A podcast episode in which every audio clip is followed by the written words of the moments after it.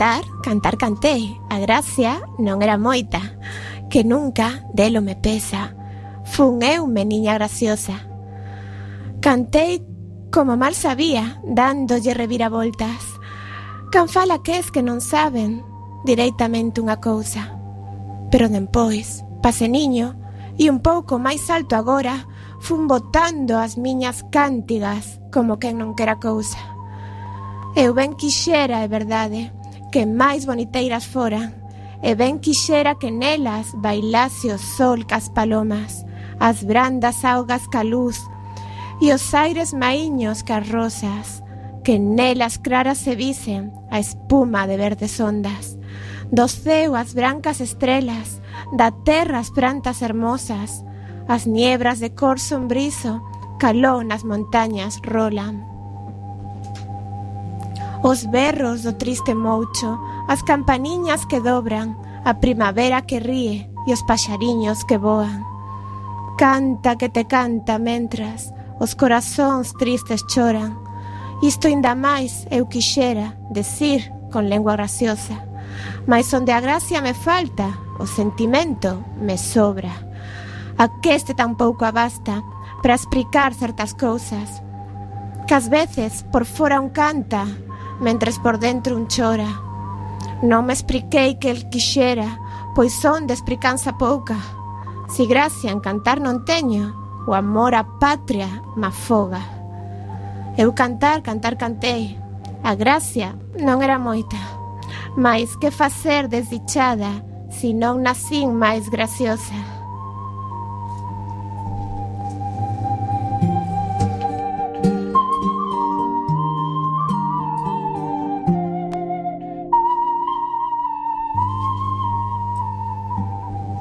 Acabades de escoitar o poema co que Rosalía pechaba Cantares Gallegos en 1863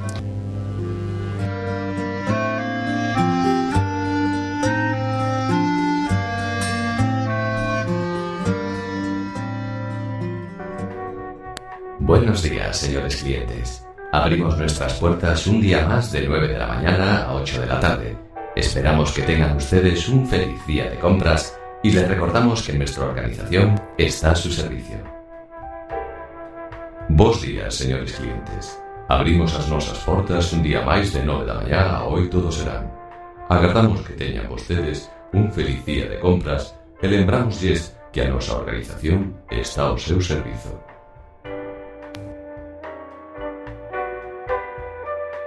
Esta caixa? Non o sei. Está no meu departamento. E a min que me dis? Antes pasaches por aquí. Eh? Que é posible que saibas quen a deixou aquí. Sinto, non o sei. Pois alguén a debeu deixar. Eu non fum. Eu non dixen que tiveses que ser ti. Pero é raro, non che parece? Raro? Sí. As caixas non andan soas por aí. Estaba leira. Non o sei. Non penso nen tocala. A ver, deixame ver. Sí, está baleira. Así que podes tirala. Que máis ten? Pode ser. Pode ser o que? Que sí, que a poderei tirar. Non digo que non. Pero iso non soluciona o problema. Que problema? Cal vai ser? Se me desfago dela, non saberei quen a deixou aquí.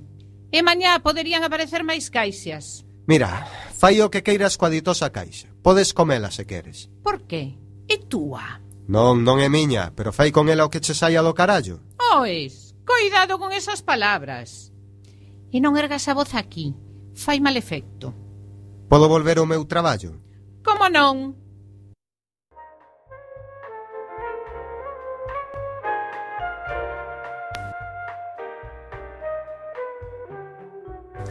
E que?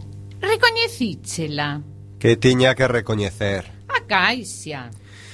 Esa caixa non é miña. É a primeira vez que vexo esa caixa. Eu non deixei esa caixa aí. Quédache suficientemente claro. Claro. Eu nunca dixen que esa caixa fose túa. Pero parece sospeitoso, non? O que? O teu empeño en negalo. Ai, San Benitiño bendito, que cruz teño contigo, eh? Vale, de acordo. O que ti queiras. A caixa miña. Ves? Xa o sabía eu. Xa o sabías, eh? Non ses máis lista ca un allo. Que queres que faga con ela? Ai, ti verás. A min... Pero que non se volva a repetir. O okay. que? Que deixes as túas cousas por aí estradas. Pero que eu non deixo... Mira, mira, tanto ten, deixémolo estar, de acordo? Non. Quero que me pidas disculpas. Desculpas? Por que? Primeiro, por mentir. Segundo, por erguerme a voz. E terceiro e máis importante, por deixar aquí esta caixa. Sabes que non gosto de que emporcallen o meu departamento. Está ben. Sabes o que che digo? Esquirola. Primeiro, que esta caixa non é miña e que aí che queda. Segundo, que agora vou traballar, porque eu teño que facer. E terceiro, e máis importante, é que se ofrece resistencia, cortoche a cabeza, meto a na ditosa caixa e alevo cos teus respeitos o chefe de planta.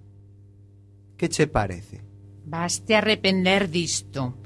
Voume queixar do teu comportamento xefe. Xa verás. Vai o que che saia do carallo. Sabes que son quen de facelo. Ti? Sí, eu. Oxala me fagas tanto dano, como medo che teño. Ai, sí. Pois vou chamosar mostrar o que che faría no caso de me seguires aldraxando. Ves a túa caixa. Isto che faría. E máis isto e isto. E para rematar, isto último. Moi bonito, sí señora. Estragache la anteiriña. Pois agora xa o sabes. Ándate con ollo. Vou traballar, se me deixas. Non, se agora vai resultar que son eu a que non che a traballar. Por favor, pero se es pior que os piquetes. Por que dis iso? O que? O dos piquetes, que pasa? Quererías estar con eles aí fora, non? Estou aquí dentro, non? Sí, estás. A que ven iso de sí, estás? Que non se pode negar. Estar Estás? Claro que estou. Pero se a túa atitude non é a de sempre, non crees? Como que non é a de sempre? Non estás polo traballo. Como que non estou polo traballo? Como todos os días. Non, Todos os días non andas deixando caixas por aí e rifando cos teus compañeiros. Mira, se tes algo a queixa que facer, xa sabes a quen dirixirte. A min, por de pronto. Queres me deixar en paz? Vai ser todo un prazer, abofé. Porque desta volta Estou totalmente decidida a facelo. Sese, Collerei e irei falar co xefe, vas ver. Esquirola máis chivata. Vai a lote. Como dis? Que quedou boa tarde. Pensas que non son quen de falar co xefe, verdade? Non, ao contrario, seguro que o faz ben pronto. Venche por aí? Home, os meus rapaces o pedo cañón. Así me gusta. É un placer compartir a primeira liña de fogo con xente tan valiosa. Sobre todo cando a eles que lle toca parar as balas. Era broma. sí. É que, que tal a mañá? Pois o certo é que... Supoño bueno... que ben, non é? Unha vez máis contra vento e marea. Ainda que a folga está a ser un auténtico fracaso, son catro monas os que a secundan. Sí, bueno, sí, porque claro, a xente non é parva, e decátase claramente do que hai. E está claro que esta non é máis que unha folga política, sen ningunha base real. Sí, bueno, claro. certo. De non ser así, eu sería o primeiro en votar rúa. Ou que pensades? Que o vosso xefe non ten ningún tipo de sensibilidade social? Pois claro que a ten, e sería o primeiro, asegúrovolo. Pero non habendo razóns para ir a folga, todo isto acabase convertendo nunha absurda mascarada. Porque ademais, nunca antes tivemos mellor do que agora, non vos parece? Home, sí. Pois claro, home, claro. E xa sabedes, calquer cousa que queirades, aquí me tendes. En confianza, eu sei escoitar. Pois o caso é que... Eu quería falarlle xa hai tempo... Di, non teña reparos, estamos entre colegas, non é? eh, pois era polo asunto das vacacións Que aínda non sei cando van ser E xa vai para no e medio que... Oh, sí, as vacacións É un tema que xa ben pronto se solucionará Pero, en fin, non creo que agora sexa o momento máis axeitado para... Compréndeo? Eh, xa, xa, pero é que eu necesitaba sabelo, porque... Eu tamén necesitaba saber tantas cousas, e sen embargo aquí me tes. Ti non te preocupes que sabrás como... En fin, vou vos deixar que teño moitas cousas pendentes. Pero é que eu tamén tiña que dicirlle... O que? Era con respeito ao comportamento dun compañeiro. Non será unha queixa. Pois en realidade, temo dicirlle que así é. En efeito. Parece mentira, Martínez. Non día como de hoxe. Cando máis unidos debemos de estar, e venme vostede con queixas dun compañeiro. Sinto, non era a miña intención. Veña mañán polo despacho de persoal a primeira hora e se cadra estese de humor para escoitala. Pero hoxe non, home, hoxe non. De acordo. Eh, González, saiba vostede que non me esquenzo das súas vacacións, pero xa sabe vostede como están as cousas. Sí, señor, que nunca antes estivemos mellor do que agora. Exactamente. Ese espírito que quero da miña xente. Ah, por certo. Sí. Esquencíame unha cousa. É que deixei por aquí unha caixa, mas non sei onde exactamente. Caixa, po, por aquí, non, non lembro. Sí, home, sí, seguro que a biches. É unha caixa da colección que estou a facer. Este era do ano 72, cando a nosa cadea aínda non tiña máis que 10 establecementos. Quase unha reliquia. Ajá. Ah, pois, eh, vaya polo departamento de Martínez. Non sei que escoitei o antes dunha caixa. Graciñas, González. Ao seu servizo. Martínez. Servidora. Sabe vostede algo dunha caixa que deixei por aquí? Refírese a isto. Martínez!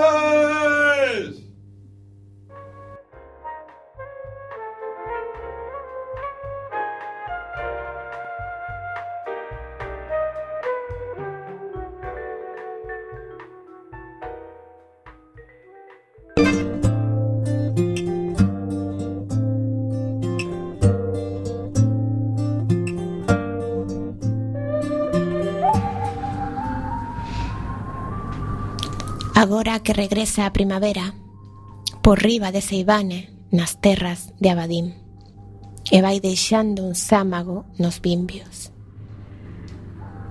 Agora que retornan as floracións antigas, e unha bris delicada, fragmento de escritura, vai liberando a alma.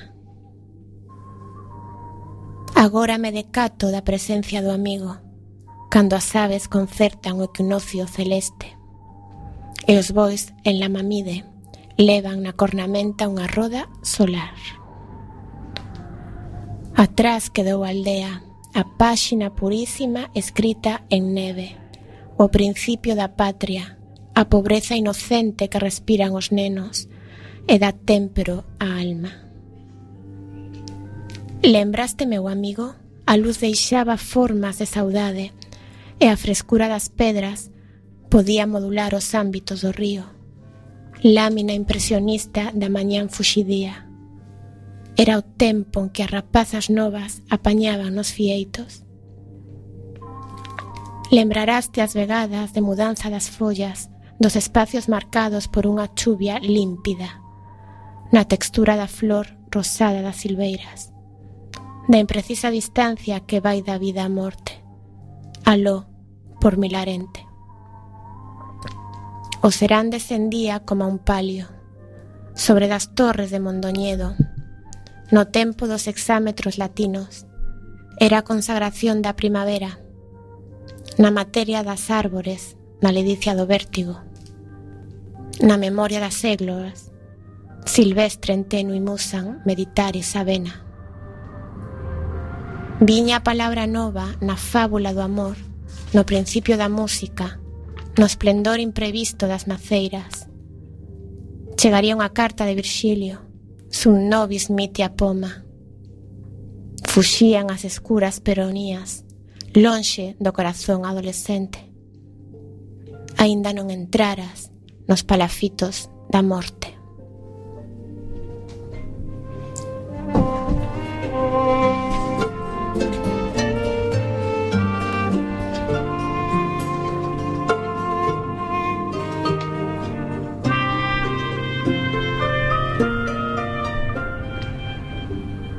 Acabades de escoitar o poema Agora que regresa a primavera da poetisa Luz Pozo Garza, escrito en homenaxe ao finado poeta Aquilino Iglesia Alvariño, pertencente ao poemario Códice Calistino do ano 1991.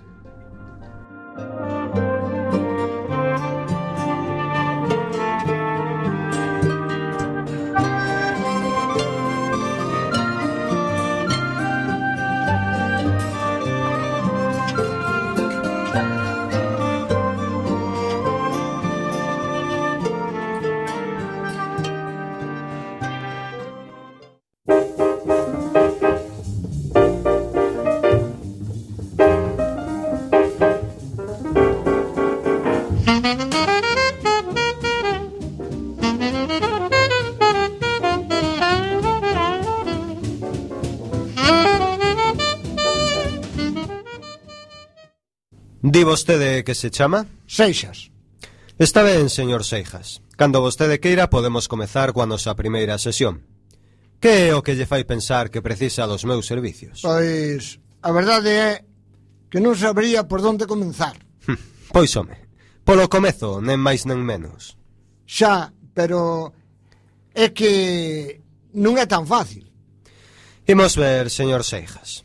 Se cadra non é quen de dormir ou Dormir, como un tronco. Pode ser que estexa queimado no seu traballo. Pois non especialmente. Problemas familiares, desenganos amorosos. En absoluto. Estrés, depresión. Non, non. Escoita voces, ve cousas que os demais non ven. Que non lle vai por o conto, señor doutor. Pois logo digamo vostede, señor Seixas. Por favor, se non lle molesta, Seixas. Home, Seixas ou Seixas a min... A vostede? Que tanto me ten? Pois mal empezamos. Por que? Pois porque non será o mesmo dirixirse a unha persoa ou a outra, digo eu. Home, non sei, vostede dirá. Quen? Seixas ou Seixas? Pois non o sei, vostede. Así non imos a ninguna parte. Interesante. Pensa que estou tolo. Non, home, non. Pois logo marcho. Como? Está claro, non. Se non estou tolo, estou san. Mellor é marchar porque neste tipo de consultas moita xente perde a cabeza, non sei se o sabe. Pois non. Sabrá como non lle decepciono. Estou completamente tolo. Non se precipite. Como se chama? Xosé Lozano. Por? Aí o ten. O que? Para vostede é o mesmo que lle chamen Xosé, Pepe Pepiño ou cousas semellantes. Home, pois non, claro. Por que? Pois supoño que ha de ser, non sei, polas connotacións diferentes que teñen cada unha desas formas. Pero no seu caso en concreto eu non vexo... Como non? No meu caso especialmente.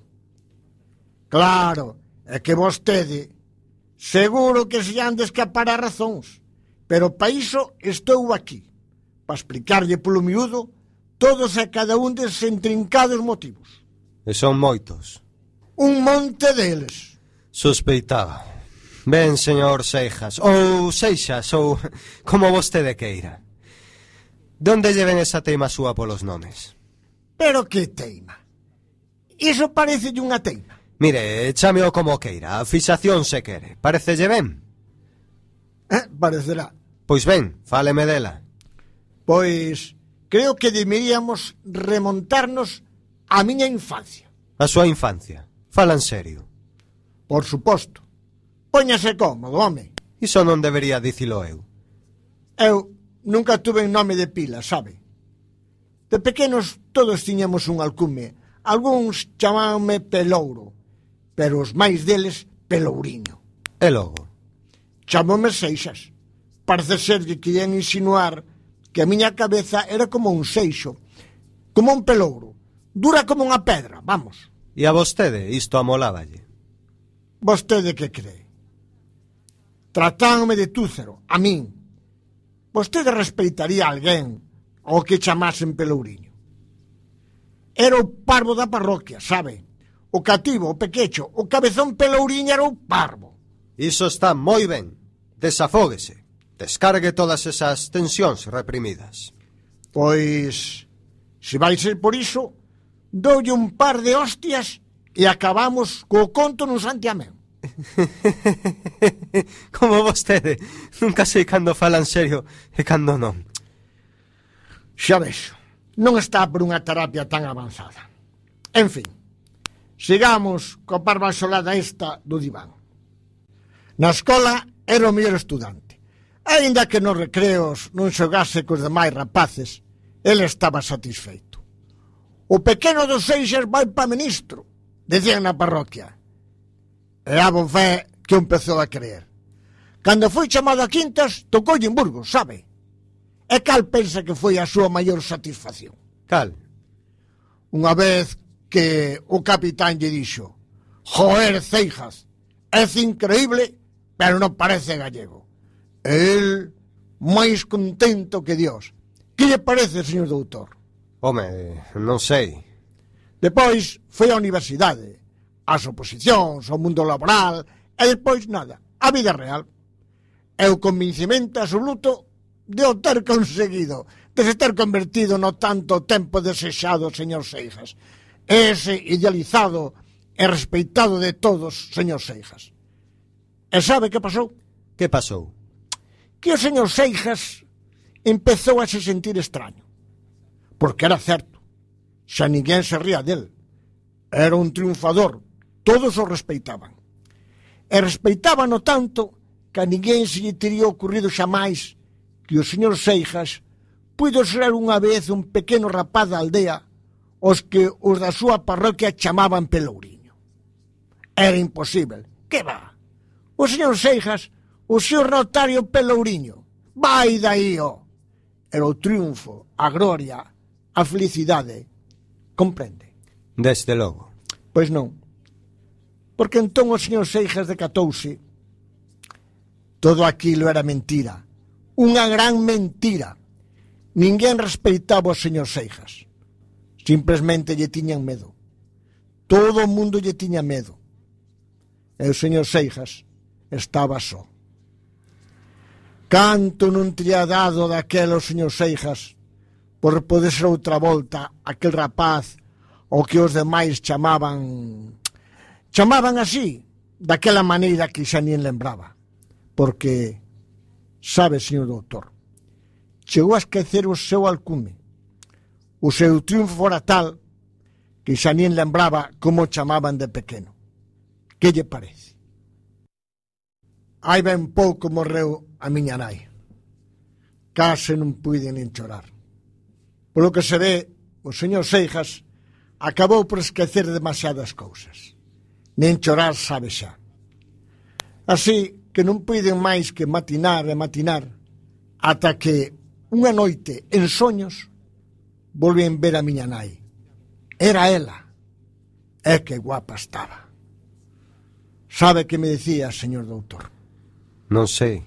Dígamo vostede. Meu rapaz, dicíame, Meu meniño, que che pasou? Que che pasa, meu pelouriño? Que che pasa? Meu pelouriño, entón lembrei, meu pelouriño. Dicíame unha e outra vez mentres me agarimaba. E que bonito soaba na súa voz.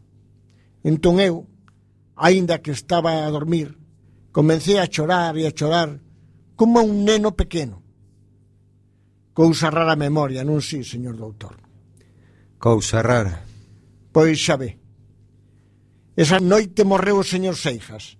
Así é que, por favor, chámeme Seixas, estamos? Como non? Agora estou nesas. Tento desandar o camiño a recordar. Porque sabe, señor doutor, quero lembrar, quero lembrarme, porque xa non sei quen son. E sabe o máis curioso? máis curiosa que tiñan razón. Teño a cabeza dura como unha pedra.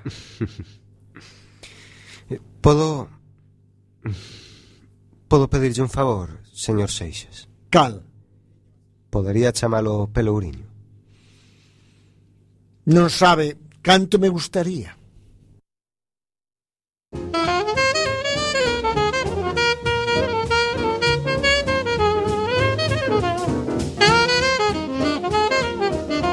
Thank you.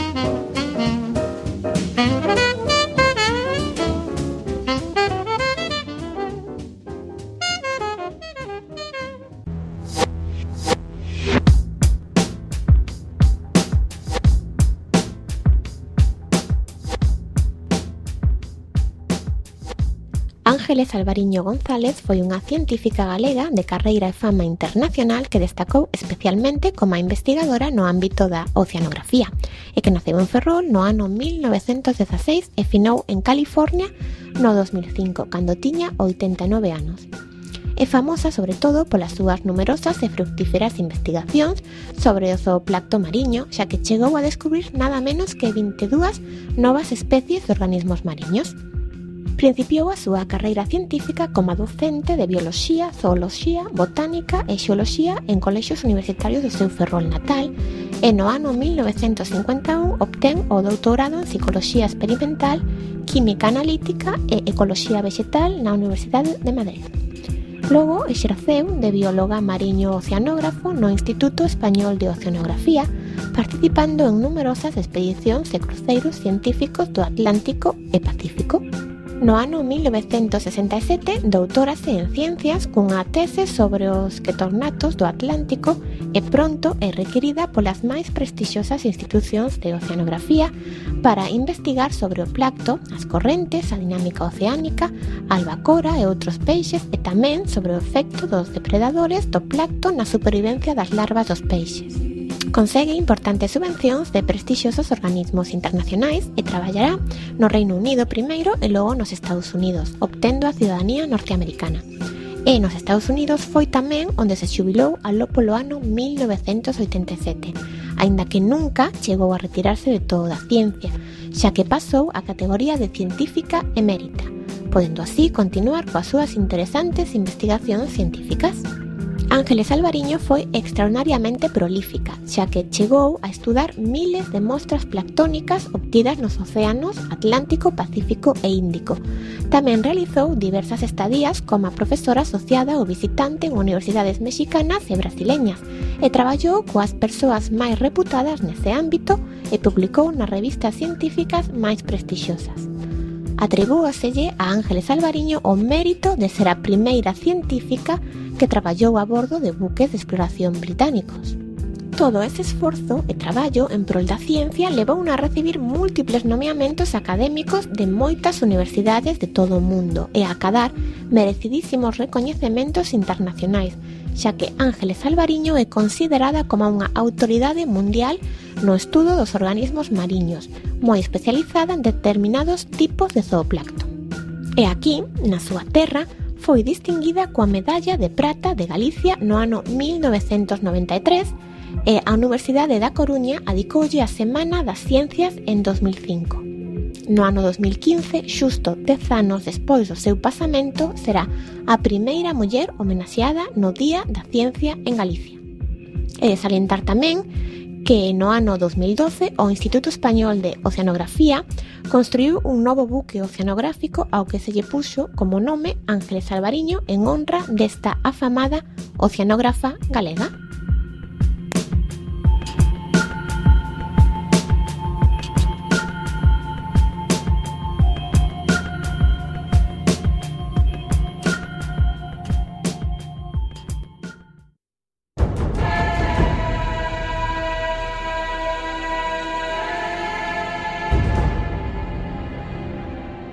A nosa historia arrinca de moi atrás, nunha época moi remota, nun país que xa nen aparece nos mapas, perdido para sempre na morada dos soños e das lendas. Nun tempo no que grandes feras e xigantes poboaban a terra e os deuses se dignaban mesturarse cos humanos porque aínda os consideraban dignos da súa atención.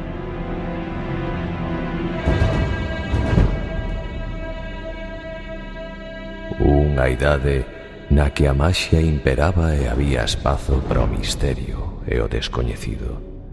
Unha idade na que non había amo, pois que o home aínda non abandonara o colo da súa nai, a terra.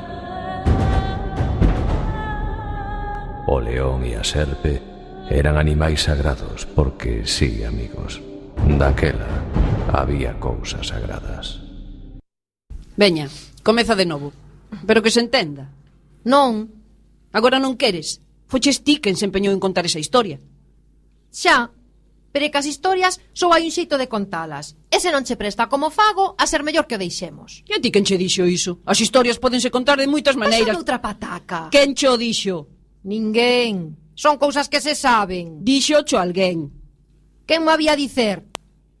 Bastante teño con ter que mondar estas noxentas patacas como para ainda por ribaturar alguén ao que non lle gostan as miñas historias. Non te poñas así.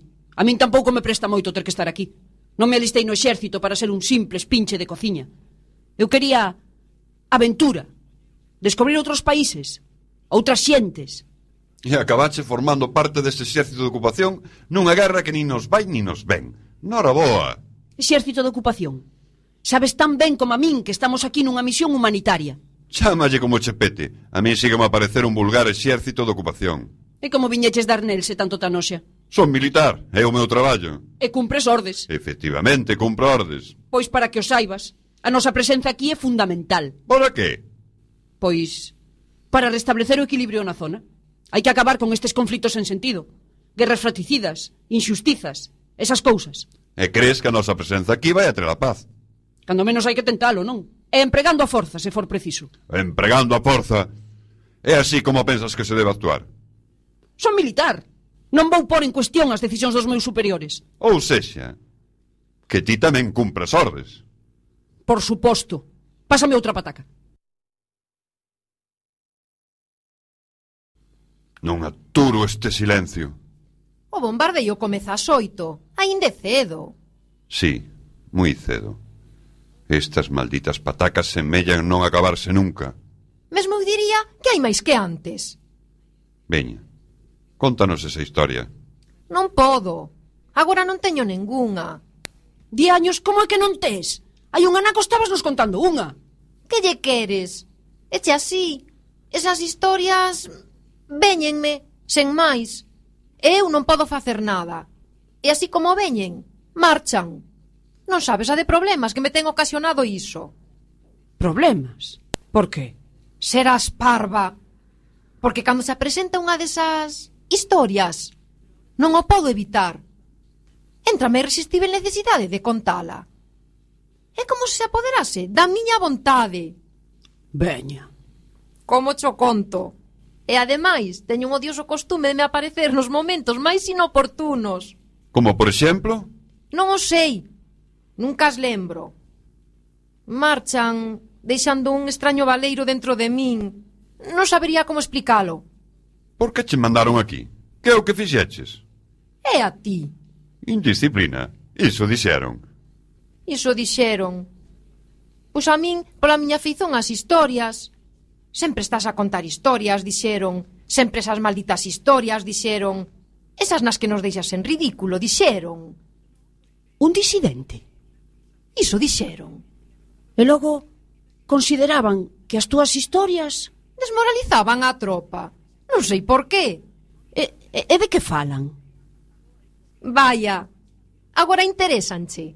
Non, non é que me interesen, pero... Teño matinado moito niso. Que a veranelas que tanto lles amole. E sigo sen ter moi claro que é, pero... Pero que?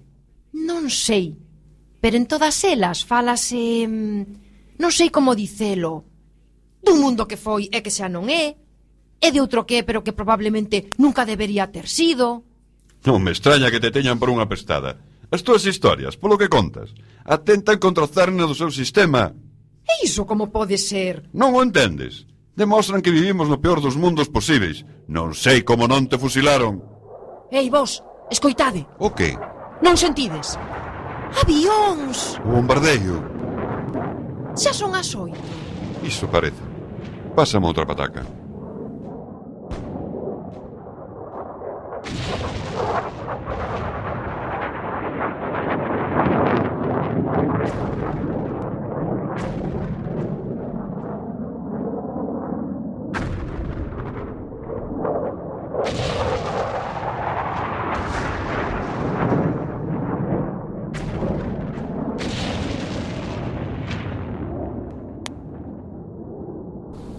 Acabou o bombardeio.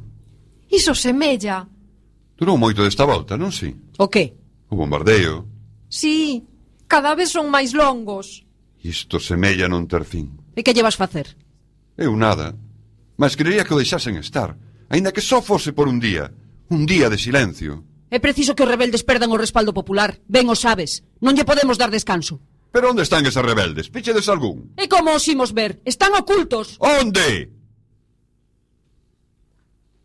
O outro día deron unha pedrada na cabeza. Quen?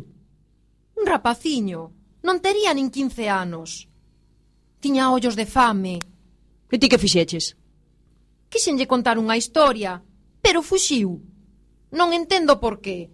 Eu quería axudalo. Como poden ser tan desagradecidos? Estamos aquí polo seu ben. Tiña ollos de fame e pedras de odio. Canto tempo levamos aquí? Quen sabe?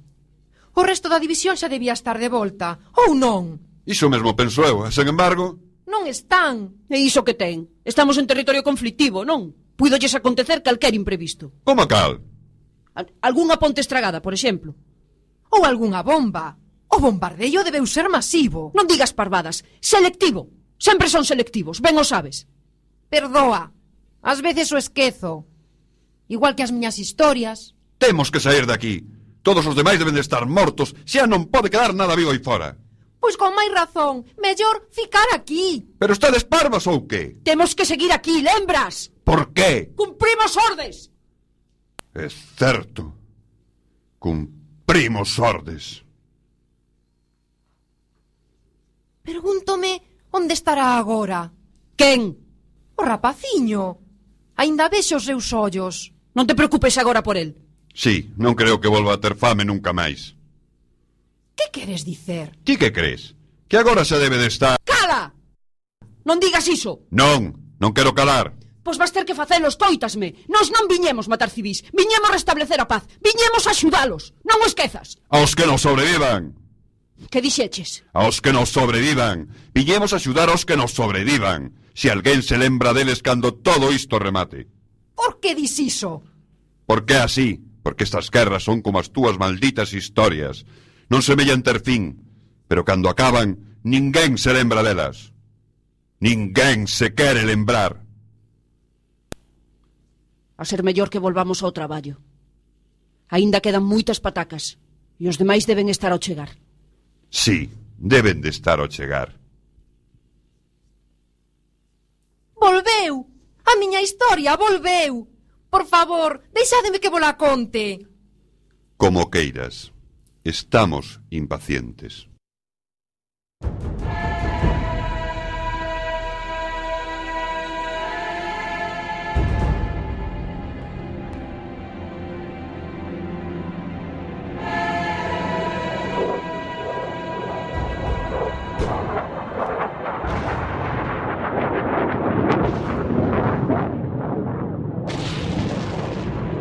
A nosa historia arrinca de moi atrás, nunha época moi remota, nun país que xa nen aparece nos mapas, perdido para sempre na morada dos soños e das lentas.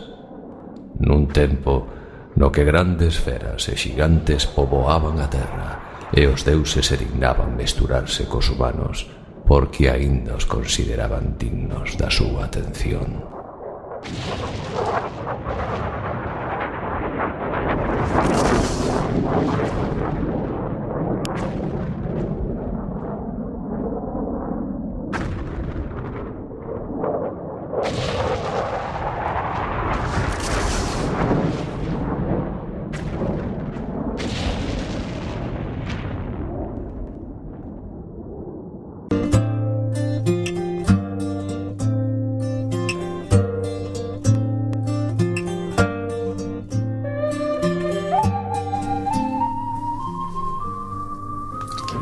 miña rosa casiña no monte era longo camiño da escola coroado de poulas e niños nas fragas perdido cuberto de rosas.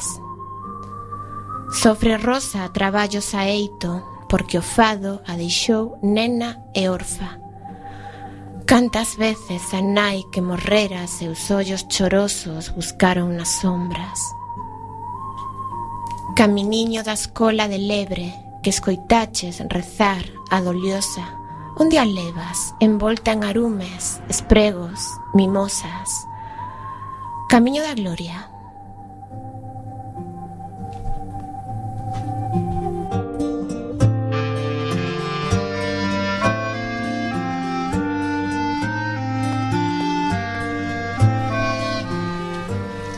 Acabades de escoitar un poema da poetisa coruñesa Francisca Herrera Garrido que foi homenaxeada co Día das Letras Galegas no ano 1987 e que foi a primeira muller invitada a ingresar na Real Academia Galega aló polo ano 1945 cando xa tiña 76 anos.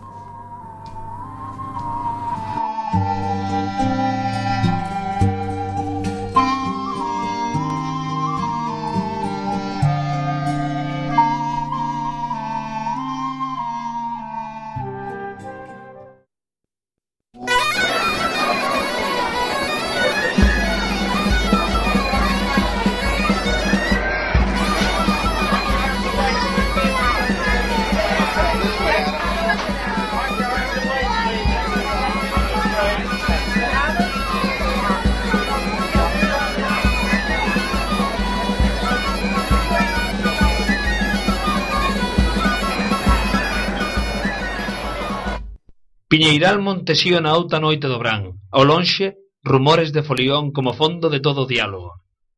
Blandina volta para o seu lugar na campaña de Ulpiano. El, baril, forte, promedio zouma e enxel, ao menos nas aparencias. Ela, lerchona, lista como un allo, collida pola abollante concupiscencia da romaxe.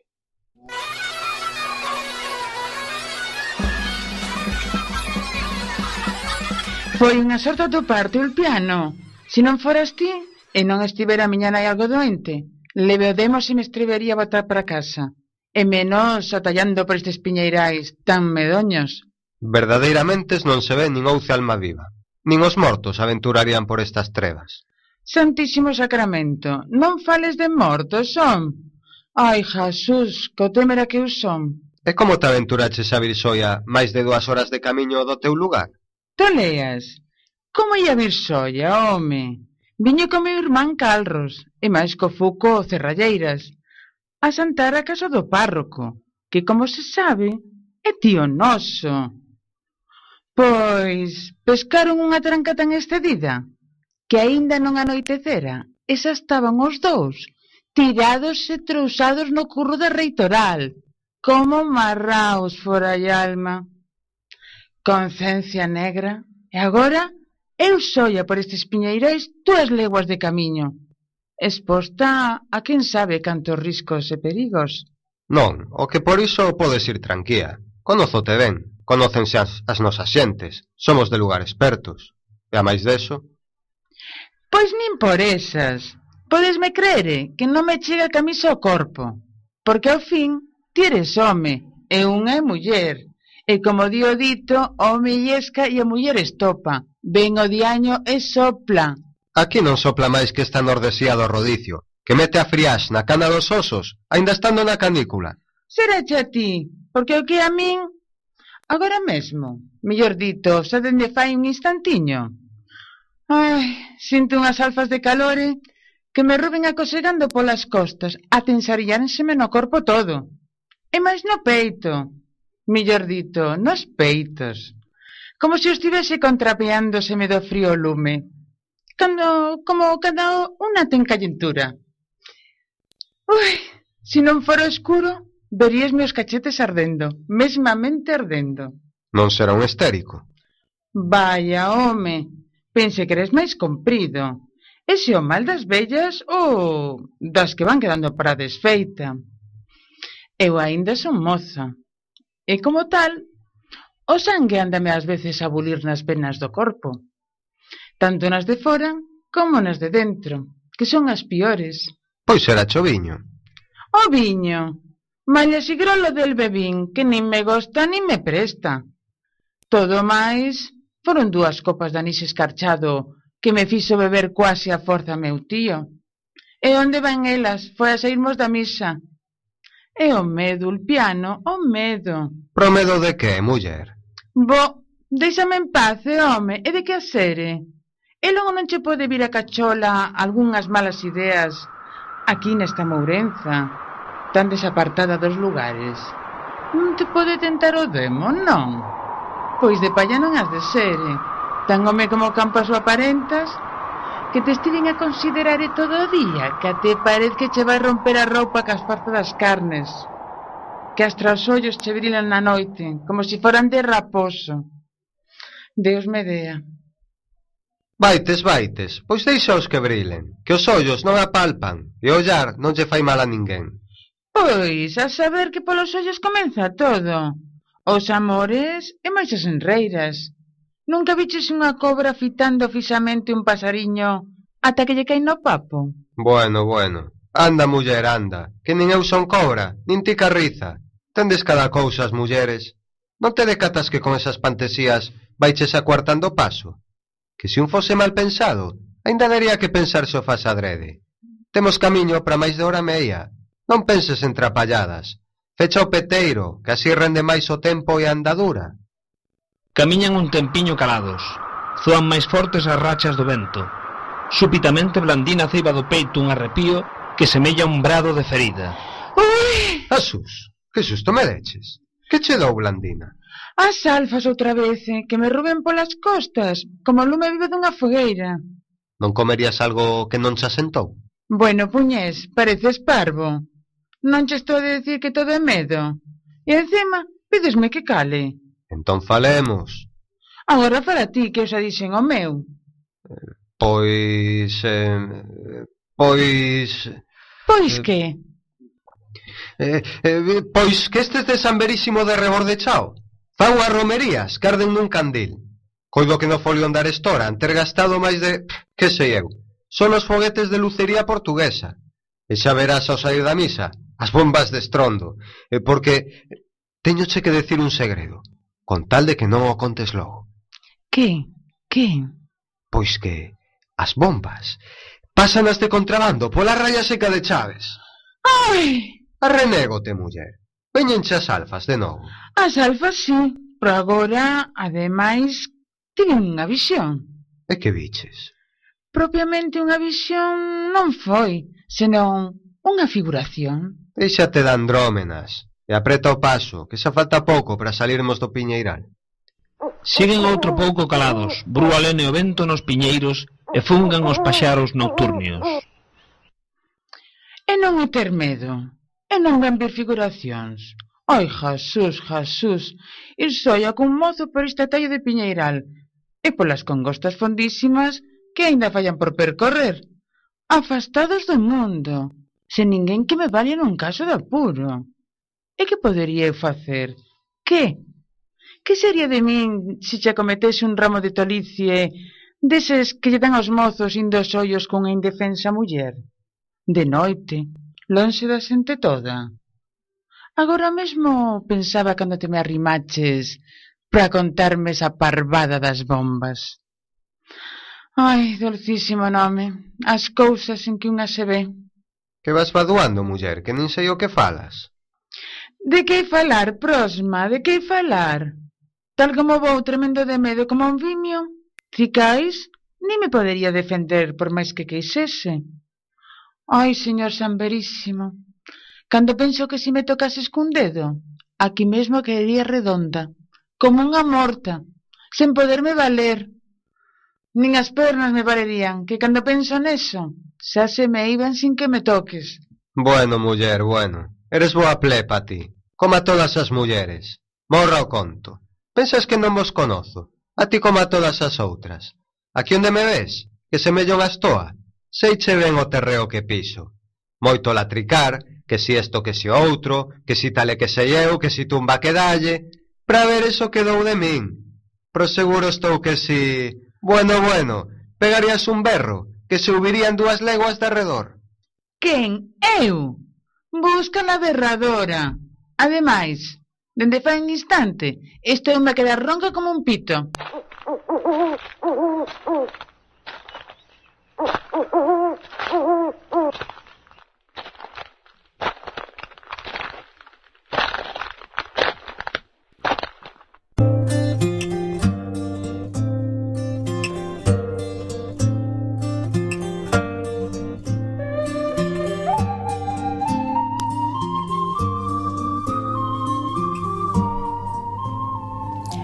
polo do gaiteiro de pano se dan vestido, como un príncipe cumprido, cariñoso e falangueiro, entre os mozos o primeiro e nas cidades en par, tiña costume en cantar aló pola mañanciña. Con esta miña gaitiña as nenas hei de enganar.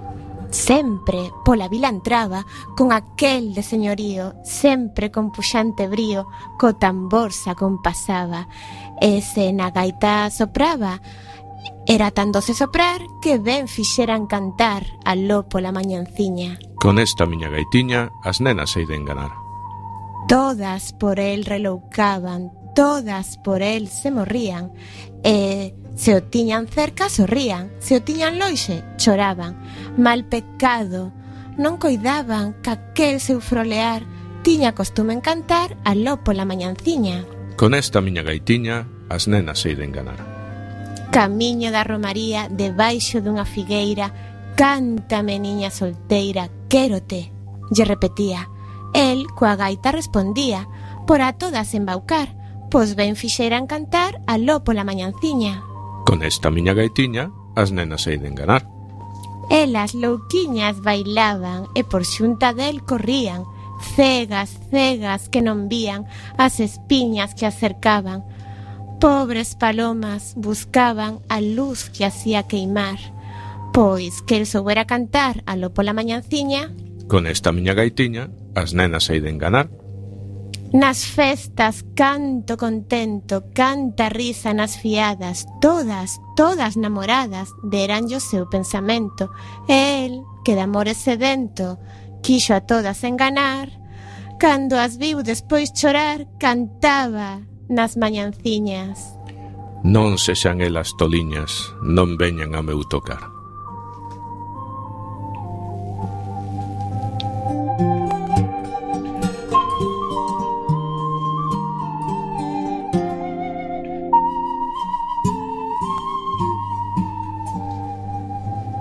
Acabades de escoitar o poema Un repoludo gaiteiro de Rosalía de Castro pertencente ao seu poemario Cantares Gallegos, publicado o 17 de maio de 1863, que supuxo o rexurdimento da literatura galega.